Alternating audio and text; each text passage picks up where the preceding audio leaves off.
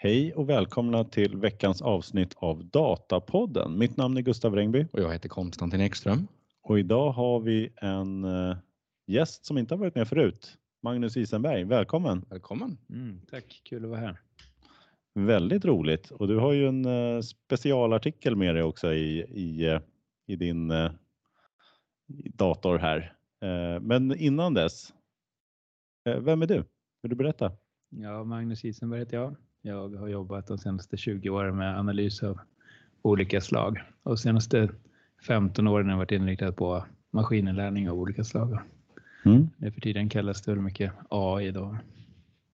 Och, eh, Och, och, jag, jag driver en firma tillsammans med eh, tre andra personer. Den heter Modeleye och vi bygger maskininlärningsprodukter. Vi investerar i startups där maskininlärning är avgörande för dem att skapa värde och operera. Och dessutom bygger vi en del eh, egna eh, produkter och eh, då både inom spel och analys av, av ljud som vi kommer att prata om lite idag. Ja, ja, det ska bli riktigt spännande när vi kommer in på den. Men vi tar, vi, det har blivit nästan så jämnt här nu med när vi har en, liksom en hedersgäst. Att vi tar den artikeln sist för att den är liksom det göttigaste. Så vi bränner väl på med dagens tre artiklar då. Och jag har fått äran att börja här. Så vi kör på på en gång. Eh, Då har vi en artikel från Databricks eh, blogg 18 april 2023 kom den här ut. Rubriken Introducing AI Functions Integrating Large Language Models with Databricks SQL. Och Databricks säger i den här artikeln då att de har ju kunder som frågar eh, hur kan deras analytiker som jobbar med SQL få tillgång till den expansiva LLM-tekniken? Alltså Large Language Model som till exempel ChatGPT då eh, representerar kanske framför allt då. Nu släpper Databricks därför något de kallar AI Functions till Databricks SQL. Med denna minskar tröskeln att utnyttja denna teknik avsevärt, både att utveckla och produktionssätta säger de då. Och det, vad är det här då? Det är alltså att man kan köra så här LLM-funktionsanrop direkt från sin SQL-kod. De tar upp som ett exempel här då att eh, säg att du har korta kundutlåtanden i fritext och så har du fått i uppgift då att kategorisera dessa i fyra kategorier. De ger som ett exempel då att du har Thanks so much for helping me today. You have resolved my issue with the extra bill. Och så ska man antingen kategorisera den som frustrated, happy, neutral eller satisfied. Och i slutändan kan, det, kan de bara skriva då en enkel funktion i, i SQL nu då, när de ställer en fråga eh, för klassificering på texten.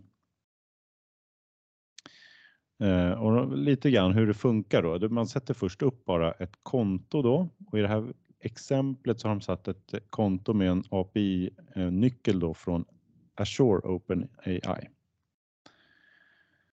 Och eh, den här liksom kopplingen gör man via då en ny funktion i Databricks då i deras SQL-kod här som heter AI Generate Text.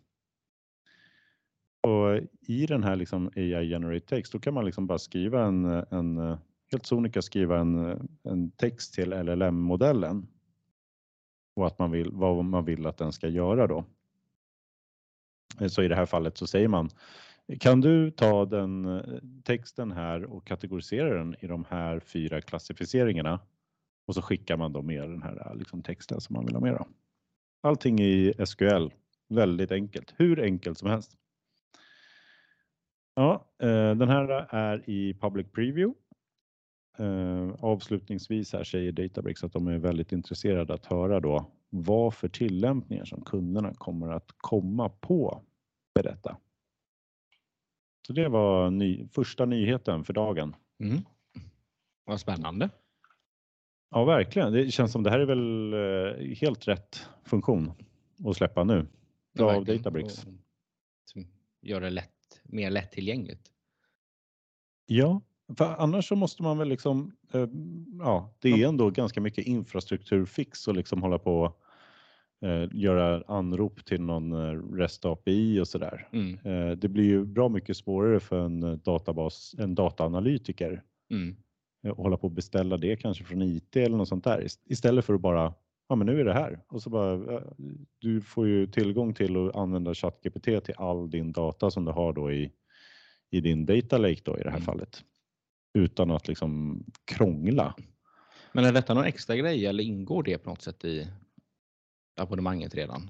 Den, alltså den här nya funktionen ingår ju i Databricks. Det är Mm. ju, den är ju public preview så jag, jag antar att den borde vara tillgänglig för de flesta som vill va? Mm. Men de tar inget eh, ansvar för den då antar jag. Nej, kan man det. tolka det som. Mm. Eh, så, men eh, ja, jag funderar lite här. Vad, vad tycker ni att eh, kunderna ska använda tjänsten till? Ja, vad ska de inte använda tjänsten till, eller på att säga. Ja, Nej, det, det, är bra. Det, det, är väl, alltså, det är ju fantastiskt med SQL. Det har man använt till det mesta. Och det här är ju ett superbra sätt att kunna göra textanalyser som, som alltså en enkel, eller enkel, men en klassificering av det här slaget har ju ändå behövts en del tankeverksamhet för att göra, speciellt om man Mm. är, är van att sitta med BI eller Analytics och jobba mycket med SQL. Det här tycker jag känns ju helt klockrent. Då. Mm. Det, är ju så enkelt liksom att man bara, för alla har lärt sig nu hur man eh, liksom frågar ChatGPT om någonting. Mm. Och Det, det, det, jag tycker det är trevligt. Man kunde ju klassificera saker tidigare också mot andra liksom textmining eh, som fanns tillgängliga och så där.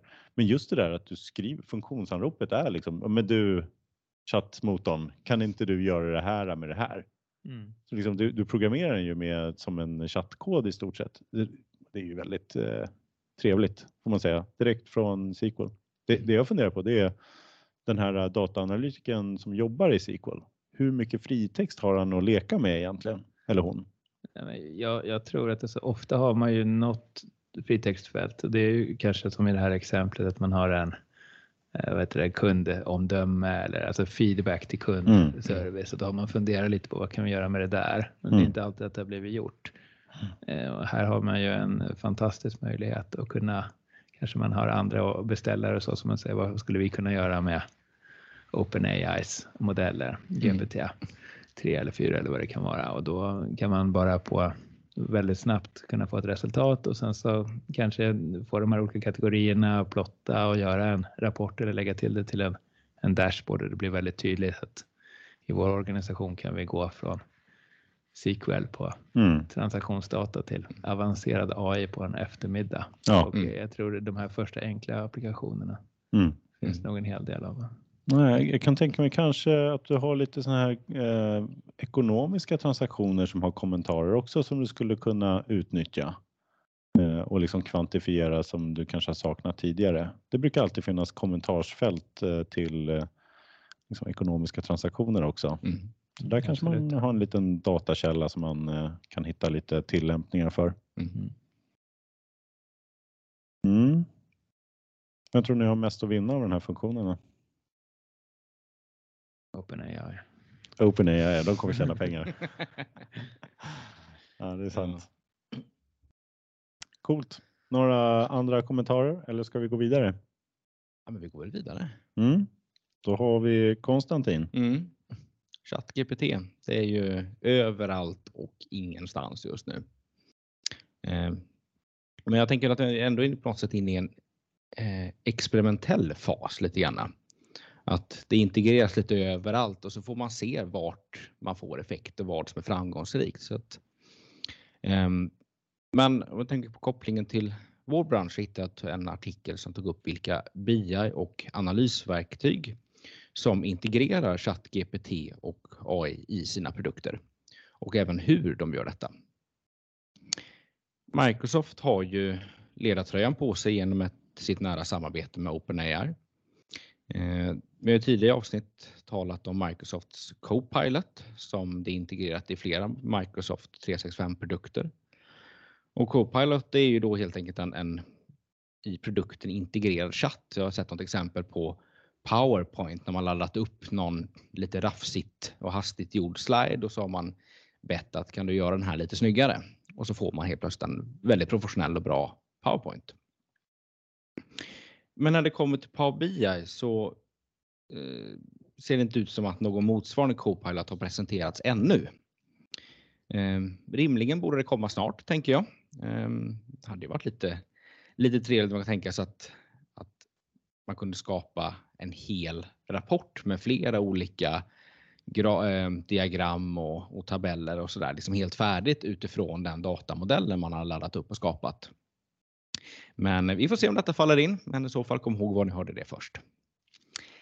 Hur som helst så kan man ju ändå redan idag integrera Power BI mot ChatGPT. Eh, för exempel så rekommenderar jag att gå tillbaka två avsnitt, tror jag det är, eh, när jag berättar om hur man kan lägga till beskrivningar till olika dagsmått. Sen har vi ThoughtSpot, en annan BI-produkt som redan från början var fokuserat på NLP, Natural Language Processing. Och de har direkt integrerat mot OpenAIs service, vilket tillåter användaren att chatta med sin data. Sen har vi C-Sense, en annan applikation som erbjuder inbäddad analytics för existerande applikationer. Jag Eh, och deras integration utnyttjar GPT-3 med en modell som matematiskt kunde hämta data från internet för analys också. Pyramid Analytics snackade vi lite grann om kort förra veckan i samband med eh, Gartners Magic Quadrant. Och även denna produkt har integrerat mot eh, GPT som används då för flera områden. De använder för att generera SQL, DAX, MDX-kod för extrahering av data. Sen har de också skapat möjligheten att ge designförslag för rapporter och grafik. Så lite, lite inne på Copilot där. Sen har vi ju Salesforce då och de har ju verkligen gått all in vad gäller generativ AI i deras applikationer via deras egenutvecklade AI-system Einstein. Och för en dryg månad sedan så presenterade Einstein GPT som automatiskt ska kunna interagera med kunder som en chatbot, generera e-mail, boka möten etc. Men att gå in på Tableaus hemsida så är det första som dyker upp en knapp som heter Meet Einstein. Mm. Jag skulle gärna vilja möta honom. Men i det här fallet så är det då deras eh, generativa eh, AI då. Men så mycket mer än så vet vi faktiskt inte just nu.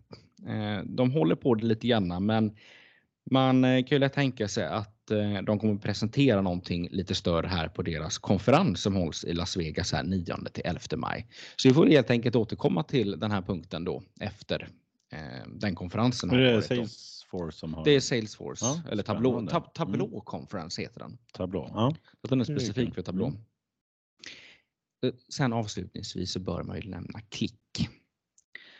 Eh, de har ännu inte någon officiell för support för ChatGPT eller någon annan eh, large language model för den delen heller.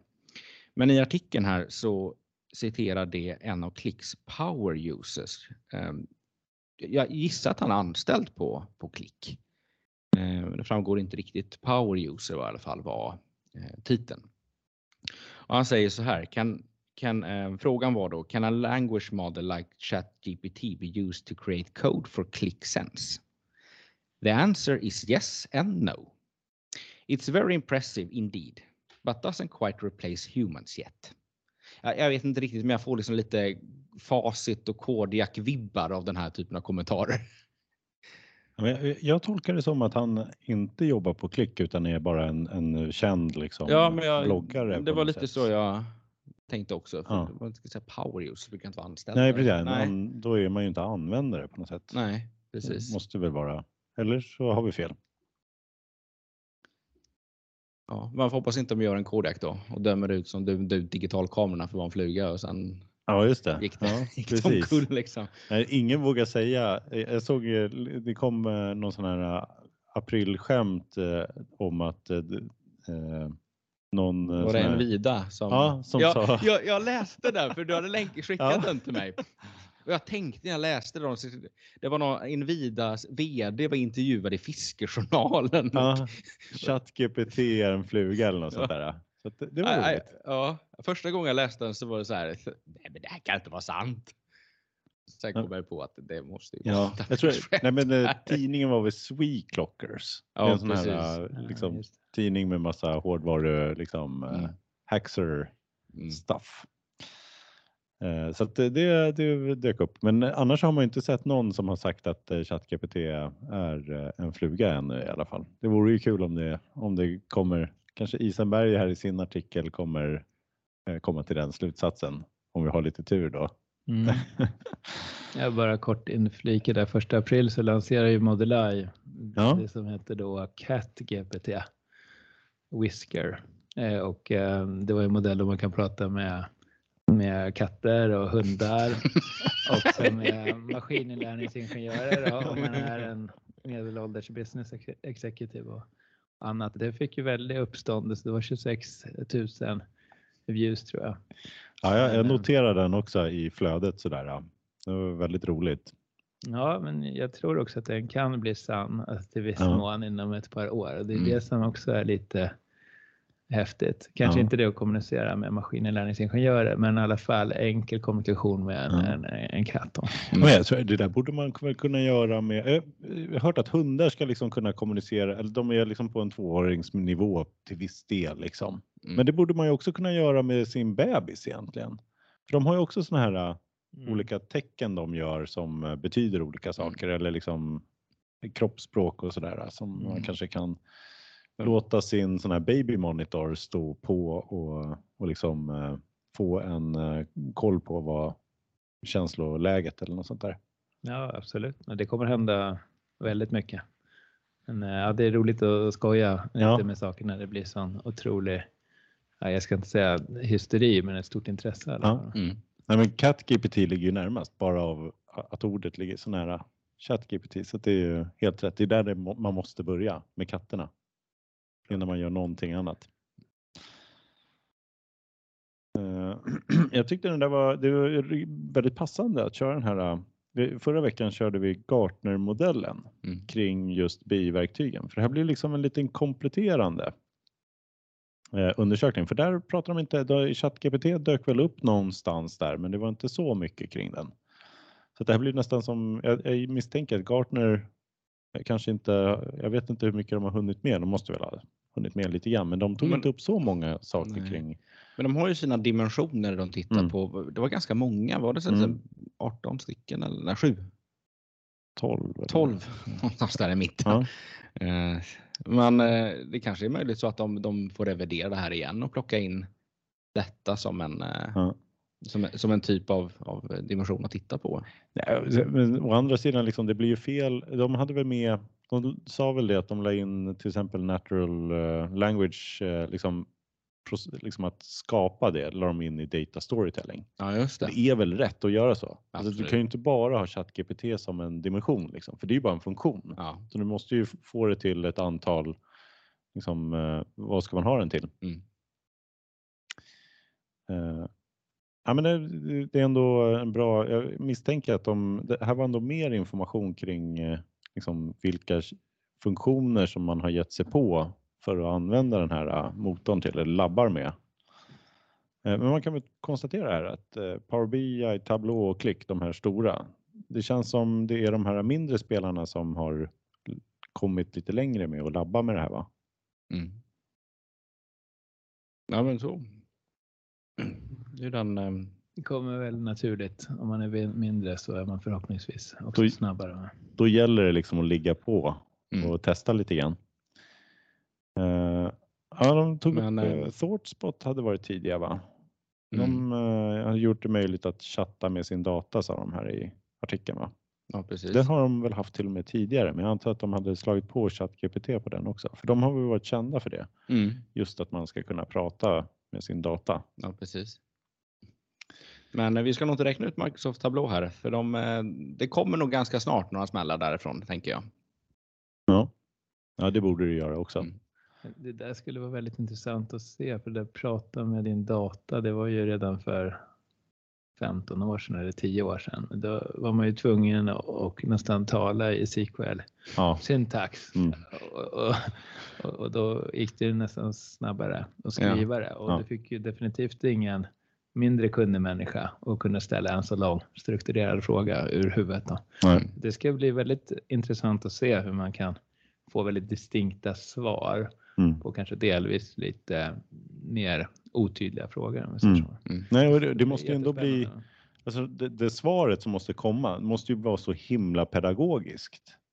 Alltså för att om det är någon som frågar så kommer det vara, om det är en, en affärsanvändare som frågar någonting, då kommer det kunna tolkas på 17 olika sätt om man liksom inte har, så det gäller ju att den här chattmotorn då svarar på ett sätt så att man fattar att okej, det här är försäljningen, men jag har tagit bort det här och det här för att du eh, har de här förutsättningarna eftersom du är sälj eller något sånt där. Ja, nej, men precis. Ge mig försäljning för kvartal ett Mm. Eh, och, och se hur den har tillväxt eller eh, Ja. ökningar på den. Aha, är det, Mm. Då blir det ju fråga både på tidsdimensionen kring jämfört med föregående kvartal eller ska det vara Mm. rullande? Mm. Mm. Så. Och sen så blir det också då som du säger, aha, vi har 17 olika definitioner av försäljning. Ja. Men jag tror att som vanligt har man ordning på sin data eh, så går det säkert då att få en välfungerande lösning. Mm.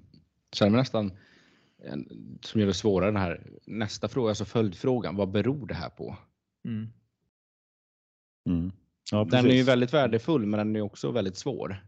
Mm. Än att beräkna exakt det man frågar efter. Men att Ja, kunna få, absolut. få insikter kring vad, vad, kom, vad, vad, är, vad orsakar det här? Varför har vi sålt så här mycket? Eller varför har vi sålt mindre?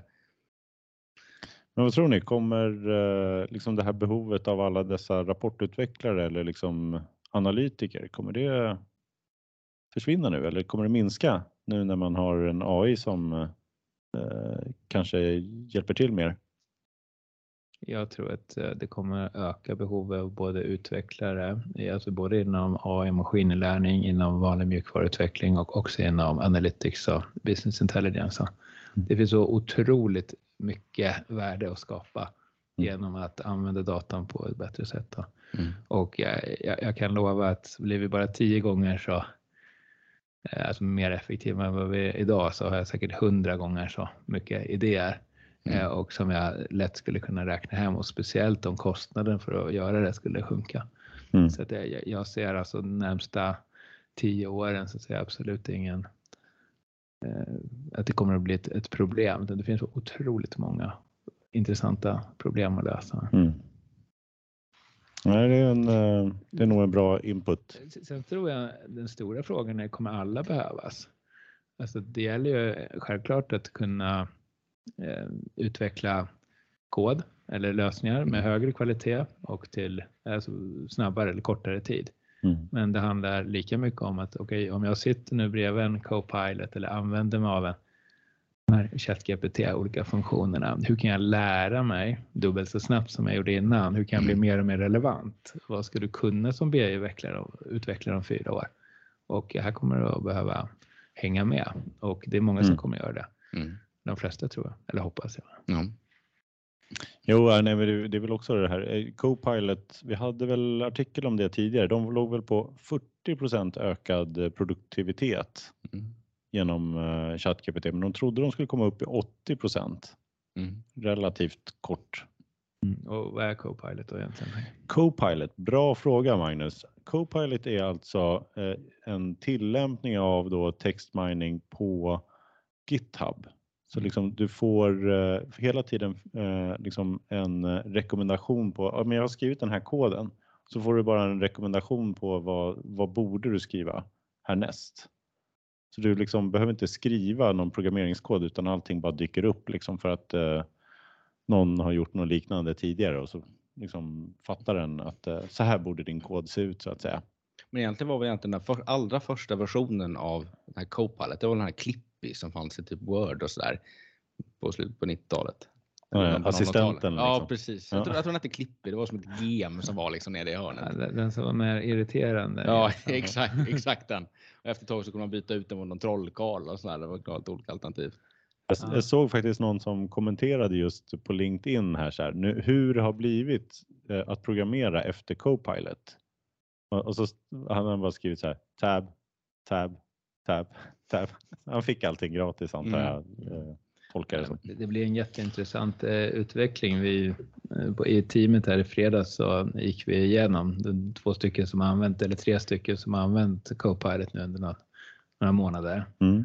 och eh, delar med sig av lärdomar och sen Mm. fundera på hur vi skulle jobba vidare. Ja. Och tydligt är att det finns stor potential. Sen är det också viktigt att veta alltså, hur ska vi kunna hantera externa, alltså kunders kod och vår egen IP och sådana saker. Mm. Det är den ena frågan. Den andra frågan är hur, alltså vi- vilken förmåga, vilken kunskap, skills eh, är det som vi behöver bygga i vårt team? Och eh, vi kommer fram till att eh, vi vet inte riktigt, Mm. fast vi vet att det kommer att påverka oss. Mm. Så att vi, vi jobbar intensivt med att införa nya arbetssätt. Mm. Alltså det är viktigt att fortfarande förstå vad det är som skapas. Även fått hjälp med det. Ja, absolut. Så att det Nej, inte blir liksom copy-paste. Black, då blir det bara en blackbox man skapar. mm. Eh, Nej, att man men det- fortfarande det- förstår vad, vad det är för någonting. Det är som- de två dimensioner som vi pratade om tidigare. Få bättre kod Mm. snabbare. Det är en ena saken. Men den andra är att, att du kan lära dig mer. Du måste kunna debugga det. Du måste kunna ställa relevant Mm. fråga. Du måste kunna ta koden till nästa nivå. Och går det för snabbt, alltså fråga en kompis. Men du kan väl googla och ge mig svaret. Det är sällan en framgångsfaktor över tid. Och det Mm. gäller samma sak här. Du behöver hänga med. Mm. Annars så kommer du bli obsolet. Då. Mm. Nej men absolut. Nej, Jag tycker ändå det, det är en eh, intressant eh, liksom, eh, fråga kring eh, liksom, kod har blivit bra mycket lättare. Alltså programmering, man blir mycket mer produktiv på det. Och så har man samtidigt den här eh, trenden low code, no code. Båda de gör ju så att du liksom blir mycket mer produktiv. Men de är, det är två olika, lite olika sätt att angripa problemet. Det ena är ju ändå att du behöver en programmerare liksom. Medan det andra är liksom att du ska försöka ha någon, eh, kanske mer av en affärsanvändare som får programmera. Var tror ni det slutar? Kommer det vara mer eller mindre av det ena eller det andra? Jag, eh, nu börjar jag bli så gammal, men jag har jobbat i, i 20, 20 år. Och det, ofta så kommer ju sådana nya fantastiska self-service eh, BI-verktyg där användarna själva kan prata för att få rapporter eller de kan drag and droppa och så vidare. Mm. Och eh, det finns en del sådana lösningar som är bra, men eh, min bild är att eh, koden är fortfarande eh, kungen och Mm. det är ytterst få som affärsanvändare som verkligen använder drag and drop Mm. verktyg eller force generation language eller vad det heter nu för tiden, grafiska gränssnitt. Mm. Så att jag, självklart så är det lite alltså enkel rapportproduktion och så i viss mån, men jag tror att det kommer att gå mycket till antingen en natural language interface eller ren, ren kod. Mm. För då kan de riktiga experterna träffa de riktigt välformulerade affärspersonerna och man behöver inte krångla till det med boxar och pilar och flöden och unions eller vad det nu kan vara. va? Mm. Kan svaret vara att båda grupperna växer? Ja, det Alltså, är det blir helt antagligen är det så. Det, det liksom blir bara fler användare på bolaget. Ja, nej, men jag tror affärs, jag kanske missförstod frågan, men jag tror affärsanvändarna som formulerar Mm. eh, frågor och hardcore eh, kodare som kan göra fantastiska produkter. De två tror jag både ökar eh, andelen affärspersoner som sitter i grafiska gränssnitt och drag and droppar. Eh, det kommer att minska skulle jag tro. Ja. Nej, det, är, det är bara framtiden som kommer avgöra här i alla fall. Så det blir spännande att se hur, eh, var vi hamnar någonstans. Men jag tycker vi måste väl gå vidare till våran Ja, favorit dagens, här. va? dagens huvudnyhet. Ja. Och, Ja, tack. Magnus. Ja, jag har en artikel här i Svenska Dagbladet från Henning Eklund. Eh, och eh, det, är på temat AI lyssnar på poddar. Och eh, jag skulle vilja ge en liten bakgrund till det. Den, det mycket att driva utveckling handlar om att vara modig. Mm. Och det var så att Magnus, en sak. Ja, sådär. Tala, Ja, sorry, ja, det blir bättre om du pratar. Nej, men- men Den är tack. lite sådär försiktig eller känslig för att man pratar in i mikrofonen. Ja, tack. Jag är van att titta på dem. Ja, jag, precis, Jag men pratar med här är- att Nu tittar jag rakt in i micken. Tack, tack för att det, det hjälper mig. Ja, men för att driva utvecklingen behöver man vara modig. Och eh, jag tror inte i det korta perspektivet att journalister kommer att bli ersatta av AI. Däremot så kommer journalister blir ersatta av andra journalister som jobbar med AI. Och eh, det här eh, förstod, eller som jag tolkar i alla fall, Madeleine Levi på eh, Svenska Dagbladet. Och hon hade fått till uppgift att skriva om tio års bloggande, eller fel, poddande med Alex och Sigge. Och de har ju släppt en enorm massa avsnitt och det är ungefär 5,2 miljoner ord. Att lyssna igenom tio års podd och sen så göra någon vettig journalistik kring det är för de flesta en omöjlighet. Då. Och åtminstone så är det väldigt tidskrävande. Så Madeleine kom då till oss på Modelai och sa att hmm, borde man inte kunna använda artificiell intelligens för att kunna få en mycket bättre bild av vad som sägs och att vi som journalister kan jobba tillsammans med AI. Och då sa vi att absolut, eh, men det är inte något som görs automatiskt utan det här är ett jobb där ni som journalister måste jobba väldigt nära oss som maskininlärningsingenjörer för att kunna hitta en grunddata, för att kunna göra en analys och sen så lägga på det som ni är väldigt duktiga på, att hitta slutsatser, nya, nya mönster och framförallt att paketera det på ett sätt så att människan gillar att, att läsa om det. Och eh, det här har renderat då i sju eh, artiklar och det är då både analys av Sommar i P1 och Alex och, och Sigge. Mm. Och eh, Eh, då så handlar den här artikeln som jag ska gå igenom om hur gjordes de här podcasterna. Och eh, då kan man ju och eh, vi började med det här under, under hösten och nu är den här artikeln skriven av Henning då på Svenska Dagbladet. Och han har då beskrivit hur det här teamet från Modeleye tillsammans med journalisterna jobbade för att ta fram de här artiklarna. Och eh, i grund så eh, har man då beskrivit att i teamet av Filip Söderqvist, Pratima Rao, Emil Larsson och Puja jobbade tillsammans med Madeleine och flera andra på SVDs kulturredaktion. Och eh, det som man gjorde var att man använde Open AIs eh, modell för eh, transkribering som heter Whisper. Och då så tog man ner då all, all ljud och gjorde det till text. Och sen så gjorde man baserat på det en mängd av olika analyser. Och här använder vi då inte eh, Chat eh, GPT och vi använder heller inte stora språkmodeller utan vi använder oss av andra, andra metoder här. Va?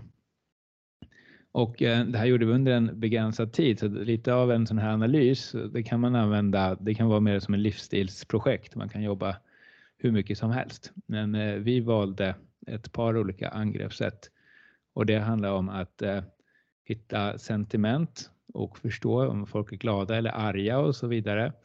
Eh, vi hittade också olika topics eller olika ämnen och sen så jobbade vi också med eh, att hitta olika eh, entiteter, alltså som personer eller byggnader eller eh, sådana saker. Och eh, sen så med hjälp av det så kunde journalisterna eh, skriva ihop en, en text med intressanta då, slutsatser som handlar om har Alex och Sigge eh, blivit mer arga över tid eller pratar de mycket om sig själva och pratar de om finkultur och är de vänster och det var alla möjliga frågor. Och sen så på det så gjorde vi också en del av sökfunktionalitet och annat. Så att de själva kunde botanisera i, i datorn och dra sina mm. slutsatser. Och sen så på toppen av det har de gjort eh, en del egna liknande BI-visualiseringar för att kunna på ett smakfullt sätt visa läsarna i Svenska Dagbladet. Mm. Och eh, här beskriver då eh, de maskininlärningsingenjörerna som har varit med mycket att eh, mycket av det här, ett sånt här jobb är ett iterativt arbete där det är små, små steg som ger resultat och det är lite som vi har sett också maskininlärningsutvecklingen senaste åren. Visst, ChatGPT har ju uppfattats som ett jättesteg och det är ett jättesteg. Men det är framförallt liksom en massa små förbättringar som har gjort att vi kan göra en helt, eh, helt ny, eh, alltså, eller många saker som var väldigt tidskrävande förut. Då. Självklart så är Large Language Models en viktig del av det, men i den här artikeln så tydliggör vi att vi använder då inte ens eh, Large Language Models utan har andra approacher. Och eh, ja, jag tycker det är en bra sammanfattning. Eller om den är bra. Det Mycket tycker jag. bra. Men Mycket ni bra. får gärna ställa frågor. Ja, men det gör vi gärna. Det, det är bara så, eh, helt otroligt att liksom eh, analys hamnar som eh, fokus. Det, det, är väl liksom speciellt på kulturredaktionen. Det känns som det sista stället. För det här var ju kultur som, eh, som har beställt det här och som ni har jobbat med, som jag förstår det här. Den, eh, den här artikeln står ju på under kultur i alla fall på Svenska Dagbladet. Bara den grejen är här, att analys liksom blir en del av kultur. Det känns lite att ni har hittat in på den eh, liksom artiklar inom det området är ju imponerande och ja, helt otroligt. Ja. Är det liksom en ChatGPT-effekt eller skulle du säga att eh, hade de kommit fram till det här och inspirerats, eller ni och, och Madeleine då, utan den kopplingen, att den kom här i oktober, har det påverkat? Jag, jag tror att, jag vet inte vilket datum som ChatGPT släpptes. Det var någon gång i höst, oktober, men, november. Men, men jag, jag, tror att just den här alltså GPT mm. Med trean, att det fanns någonting i det, det, trodde jag, det tror jag absolut spelade in. Men det jag tror var viktigast här, det är att individer hade mod att tänka annorlunda och mm. just då inte se AI och maskininlärning som ett hot utan snarare som ett verktyg och hitta ett område att nej, men den här analysen kommer inte bli gjord med den här kvaliteten om vi inte använder AI. Kan vi göra någonting som vi inte kan göra annars kan vi bli superjournalister. Eh, sen eh, så tror jag att den bilden, hur de skulle jobba med AI, var mer att nej, men en AI ger oss något resultat. Eh, det var nog själva grundtanken. Eh, och sen märkte man nej, det blir mer av en arbetsprocess. Men jag skulle säga att det är jättekul att jobba med kultur och att vi jobbar, eller att det blev just kultur handlar nog mer om modiga personer än att det är just genom kultur som det har störst värde. För det har lika stora värden i alla olika områden. Mm. Ja, om något kanske liksom just eh, textanalys blir väl en, eh, en möjlighet just för att kultur kanske har mindre kvantifierbara eh, liksom parametrar av gammal typ. Liksom. Ekonomi, där finns det ju en massa siffror redan som är väldigt strukturerade. Mm. Eh, medans eh, kultur, där blir det en möjlighet liksom, med den här tekniken att faktiskt också göra lite analyser och kvantifiera saker och ting på ett annat sätt som kan mm. vara intressanta. Absolut, men jag tror också att eh, man kan skriva journalistik, alltså man kan använda det här underlaget och sen kan man skriva en text helt utan siffror. Mm. Den hjälper en att förstå trender och förstå ja, nya resonemang och så vidare. Mm. Eh, och sen så tror jag likväl inom till exempel makroekonomi och förutsäga olika trender. Där kan man ta nytta av att analysera pressreleaser eller anteckningar från centralbanksmöten mm. och, få ut eh, använda information som man kanske tidigare hade svårt att eh, processa som en tidsserie utan då använder man andra tabellära värden som eh, inköpschefsindex och, och sådana mm. saker. Så, att, så att det, det, blir lite korsvis. Jag tror att det finns fantastiska möjligheter oavsett områdena. Mm. Här blev det liksom eh, någonting av det här som blev driftsatt eller är det mer av en att man gjorde det som en ad hoc eh, analys här under projektet? Eller? I det här fallet så eh, är det här bygger på en produkt som heter ljudet, som mm. ljud. Och den, det är en produkt i, sig där man kan analysera både poddar och andra typer av ljudfiler och sen kan man göra sökningar och få ut olika saker. Så det är en produkt på så vis, men mm. syftet med samarbete med Svenska Dagbladet här, det var att eh, resultatet blev just de här artiklarna. Ja, ja. ja spännande och det, det, får man väl säga. Det är ju någonting som är produktionssatt åtminstone. Publicerade Absolut. artiklar. Absolut, men även lösningen. Vi har nu mm. andra användningsområden och det som har varit fantastiskt roligt efter och det är det som är så fantastiskt att vi får prata om det här i en kulturkontext. Det har kommit många nya eh, användningsområden som jag inte har tänkt på, eh, som har hört av sig till mig och andra i teamet här mm. under veckorna. Eh, och normalt har vi jobbat mycket med techbolag och det har varit mycket ekonomidata och det har varit drönare och det har varit allt möjligt high tech. Men nu kommer det personer med helt annan bakgrund Mm. som har ett intresse och det tycker jag verkligen är, är, fantastiskt att vi utvecklar de här produkterna kontinuerligt. Mm. Men Judit, det är alltså en produkt som Modulai har eller är det någon tredje part? Eller? Det är en produkt som vi har. Ja, Mm. ja, vad spännande. Ja, jag ska inte lova för mycket, men eh, eventuellt skulle man kunna köra in. Mm. Eh, hur många avsnitt är det ni har gjort? 49? Det här är 49 Mm. avsnittet, Mm. så snart ett år. Det vore ju lite intressant då. Ja, Ja, jag, jag se- ska inte lova för mycket, lite. men eh, jag, jag ska ta upp frågan med, med teamet. Då. Ja, Jag, jag kommer ihåg, eh, det, det har ju varit länge så här CRM-system som lyssnar till liksom kundernas kommunikation. Det har ju liksom funnits i 15 års tid. Minst. Eh, Men det har alltid varit så här problematiskt så fort man kommer utanför liksom eh, något av de globala stora språken, kanske engelska framför allt. Det skulle du säga att den tröskeln är borta nu, Magnus? Jag, jag skulle säga alltså det enkla svaret är absolut. Det, det, den är borta. Va? Sen eh, Whisper eh, är som en väldigt vanlig transkriberingsmetod eller eh, ja, ja, metod får man väl säga. Den fungerar tycker jag utomordentligt bra på svenska och använt både på gamla människor med mycket dialekt och eh, sådana med, med ganska stark brytning. Mm. Eh, sen om man har mycket resurser, då kan man också testa andra modeller. Men eh, jag, jag skulle råda alla som är intresserade av att få text eller ljud till text att börja med Whisper och tycker ni att det är tillräckligt bra så ja, krångla inte till det utan Mm. fortsätt med det. Va? Var hittar man Whisper någonstans? Ja, det, det får man, eh, jag vet inte exakt var de, var de ligger. Googla. Får. Det är för att OpenAI Whisper. Ah. Jag ska inte googla nu Mm. direkt. Nej. Men, men, men det är lika tillgängligt som, som chatt. eh, Ja. GPT. Sen, sen så är det väl, det kräver ju lite mer kräm när du kör den, när du gör själva transkriberingen. Mm. Och eh, Mm. Eh, nu har vi egna eh, GPU-maskiner Mm. som står i ett gammalt hisschakt då. Mm. Men det är fortfarande eh, ganska liten investering och de flesta bolag hade kört det här på en cloudlösning och det är inte heller speciellt eh, dyrt. Mm. Så att det här kan alla som vet hur man gör Mm.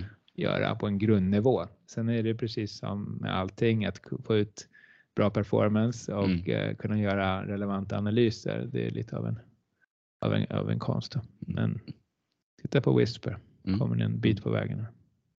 Ja, det är riktigt roligt att se just det här. Det blir så tydligt apropå att vi pratar Databricks gav de här exemplen på business case. Här är väl ännu tydligare inspirerande för vad kan man använda den här tekniken till? Mm. Det är ett riktigt roligt projekt som ni har gjort. Ja, tack.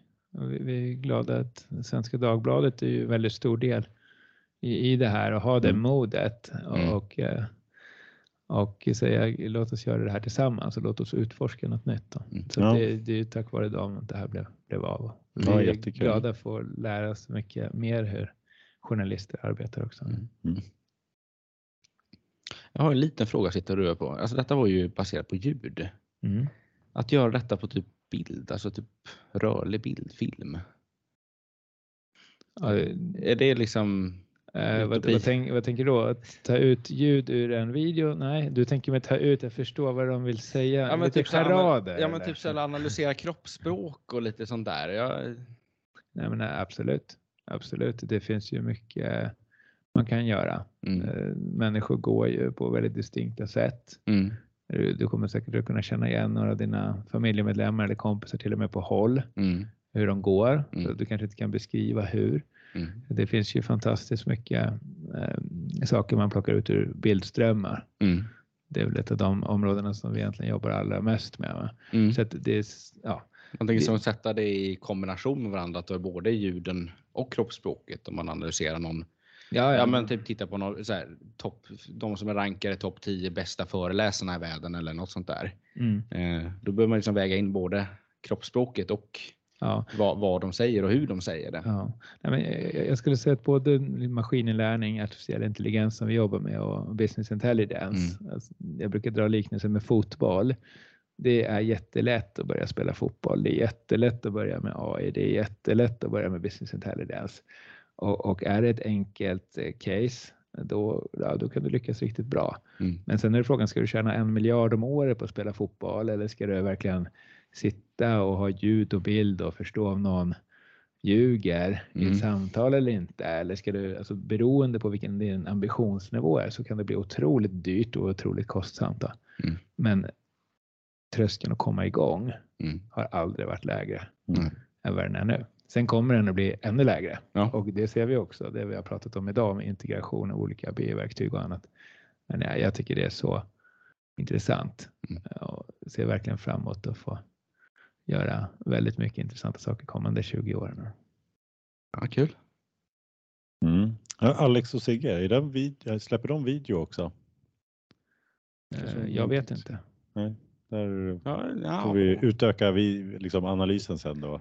Får ni en ytterligare, några ytterligare artiklar kanske och dra in det också. Jag vet inte om de har det. De kanske bara kör ljud. Nej, men jag, jag tror, ja, det är klart om man sitter och tittar, om man får ett ansikte rakt framifrån och kanske sitter och ställer frågor. Det, det, det är som ChatGPT, de har ju tränat en stor språkmodell på hur en mänsklig konversation är. Mm. Och eh, det var det som var lite problemet här i början, Gustav, att jag vill ju sitta och titta på dig. Jag vill inte sitta och titta rakt in i micken här. Och en, en människa vill ju gärna ha ögonkontakt eller se om den andra nickar eller så. så att, eh, jag är säkert, skulle man prata och ha den, eh, sitta och titta bara på ansikten så får du ut en, en, en hel del. Då. Mm. Mm. Men eh, jag tror att bara filma människor i ett rum, då kan man också se, ja men det verkar de vara kompisar och så. Men jag, jag tror det är en väldigt bra start att börja och titta på eller lyssna på, på ljudet. Då. Mm. Sen är det en helt annan sak om man har en övervakningskamera och sen så undrar man, ja, är det någon som går ut på spåret här eller är Mm. det något som eh, kommer flygande och vad är det för någon typ av objekt och så. Men det, det är lite av en annan sak. då.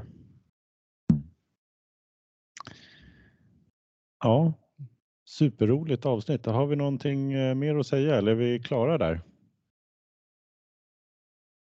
Jag tycker det var jätteroligt att komma hit och, och sen tycker jag att det är spännande att den här business intelligence-världen och eh, maskininlärningsvärlden eh, flyter ihop på ett väldigt eh, tydligt sätt. Då. Det kommer att finnas otroligt mycket roligt att lära sig framöver. Mm. Ja, det, är- det är roligt. Vi, vi står inför en, ja, en fortsatt utveckling. Och det är väl som du säger där att det är liksom, är man här i teknikvärlden så måste man liksom, det är nya grejer hela tiden. Det är väl inte mindre tydligt idag än vad det var för ett par år sedan till och med. Men SQL är likadant. Ja, Det- ja, det finns lite, det. lite avarter kanske Ja. på sina håll, men, men eh, i sak samma. Ja. Ja. Så den består. Mm. Tack så mycket för att ni har lyssnat på dagens avsnitt och tack Magnus för att du var med. Det är jätteroligt att du ah, tog dig tid och, och ville vara med och, och, eh, och berätta här. Mm, tack ska ni ha. Hej då! Hej då. Hej hej.